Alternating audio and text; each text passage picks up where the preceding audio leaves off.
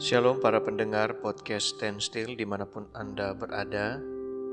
Kita sudah tiba di episode yang keenam. Episode yang keenam ini melanjutkan pembacaan buku riwayat Yesus Bab yang keenam dengan judul Masa Pergolakan. Banyak peraturan yang diadakan guru-guru orang Yahudi untuk orang banyak dan mewajibkan mereka melakukan hal-hal yang tidak diperintahkan Allah Anak-anak sekalipun harus belajar mentaati peraturan ini. Tetapi Yesus tidak berusaha mempelajari apa yang diajarkan para rabi. Ia sangat-sangat hati-hati jangan sampai meremehkan para guru ini, tetapi dia mempelajari kitab suci dan taat kepada hukum Allah. Sering ia ditegur karena tidak melakukan apa yang dilakukan orang lain. Bila demikian, ia menunjukkan dari Alkitab jalan yang benar. Yesus selalu berusaha membuat orang lain berbahagia. Karena ia amat ramah, lemah lembut, para rabi berharap agar dia melakukan seperti apa yang telah mereka lakukan. Tetapi mereka tidak mendapat apa yang mereka harapkan. Kalau ia disuruh menuruti peraturan yang dibuat mereka, dia menanyakan bagaimana menurut ajaran Alkitab.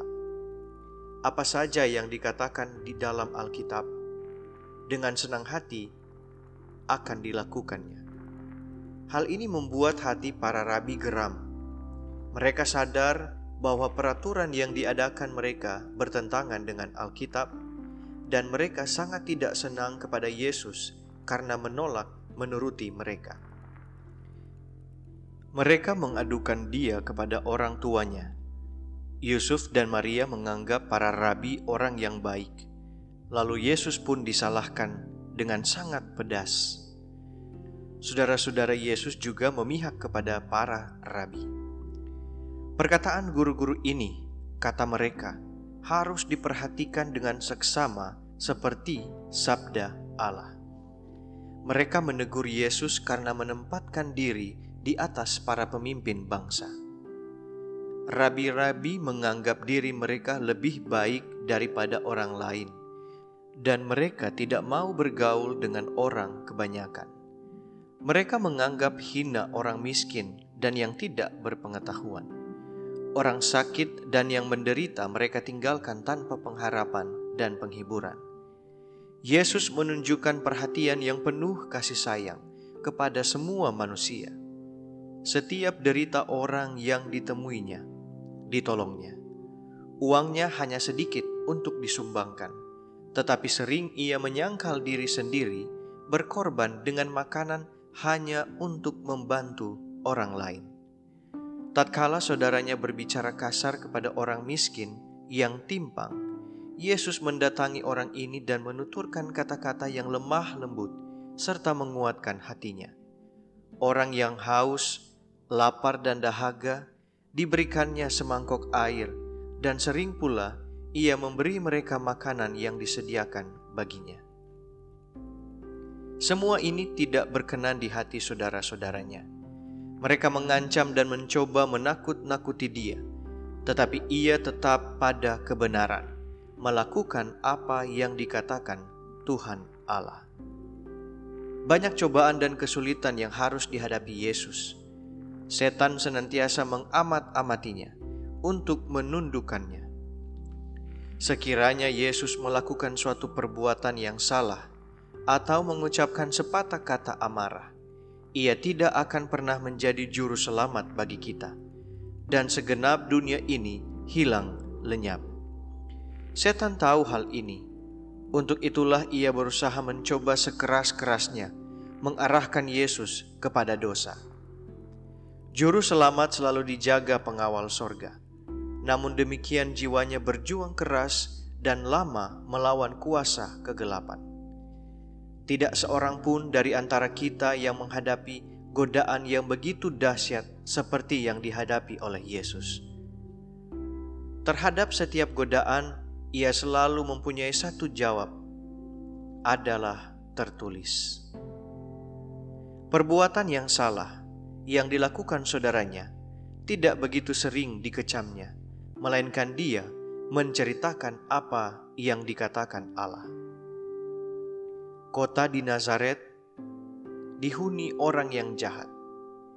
Anak-anak dan orang muda mencoba mengusahakan supaya Yesus mengikuti jalan mereka yang jahat. Ia cerah dan tulus, dan mereka senang berkumpul dengan Dia. Tetapi prinsip-prinsip kebaikannya menimbulkan amarah mereka. Sering hanya karena tidak mau bergabung dengan perbuatan mereka yang terlarang, dia dikatakan pengecut. Sering pula ia diolok-olok karena terlalu memperhatikan hal kecil. Menjawab semua ini dia berkata, adalah tersurat. Takut akan Tuhan itulah hikmat dan menjauhi kejahatan itulah akal budi. Ayub 28 ayat 28. Menyayangi yang jahat berarti menyukai maut karena upah dosa adalah maut. Roma 6 ayat 23. Yesus tak mau mempertengkarkan kebenarannya. Bila ada kekerasan, ditanggungnya dengan sabar, karena ia begitu rela dan tidak mengeluh. Pekerjaannya sering tidak mudah. Walaupun demikian, dia tidak merasa kecewa karena ia tahu bahwa Allah tersenyum padanya.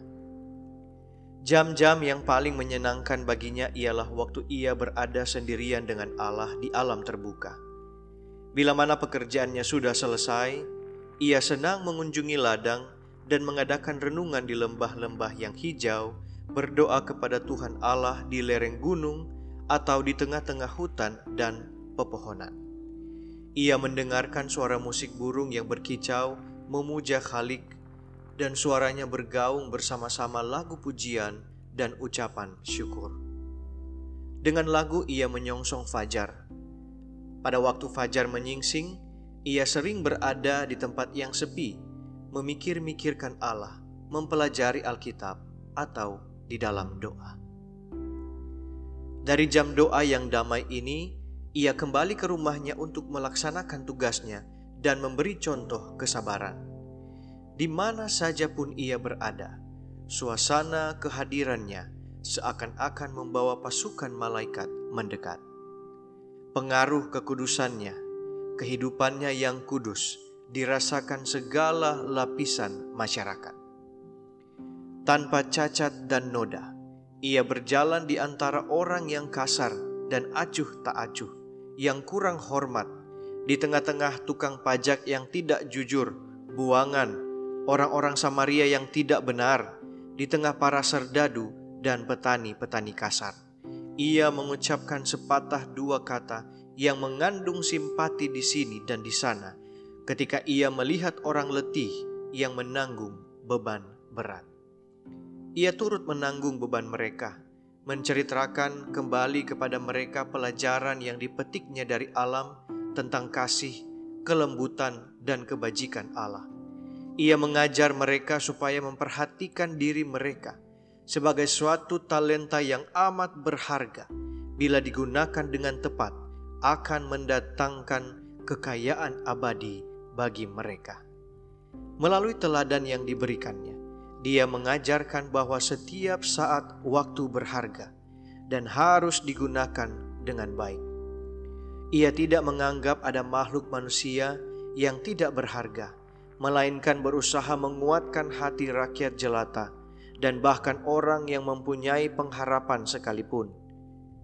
Ia menuturkan kepada mereka bahwa Allah mengasihi mereka selaku anak-anaknya dan bahwa mereka pun di dalam tabiat dapat seperti dia. Begitulah sejak masa anak-anak Yesus bekerja bagi orang lain Pekerjaan ini tidak juga dilakukan oleh para guru yang terpelajar itu, pula tidak oleh saudara-saudaranya yang dapat membuat dia menyerah. Dengan tujuan yang ikhlas, dia melaksanakan rencana hidupnya. Dia harus menjadi terang dunia.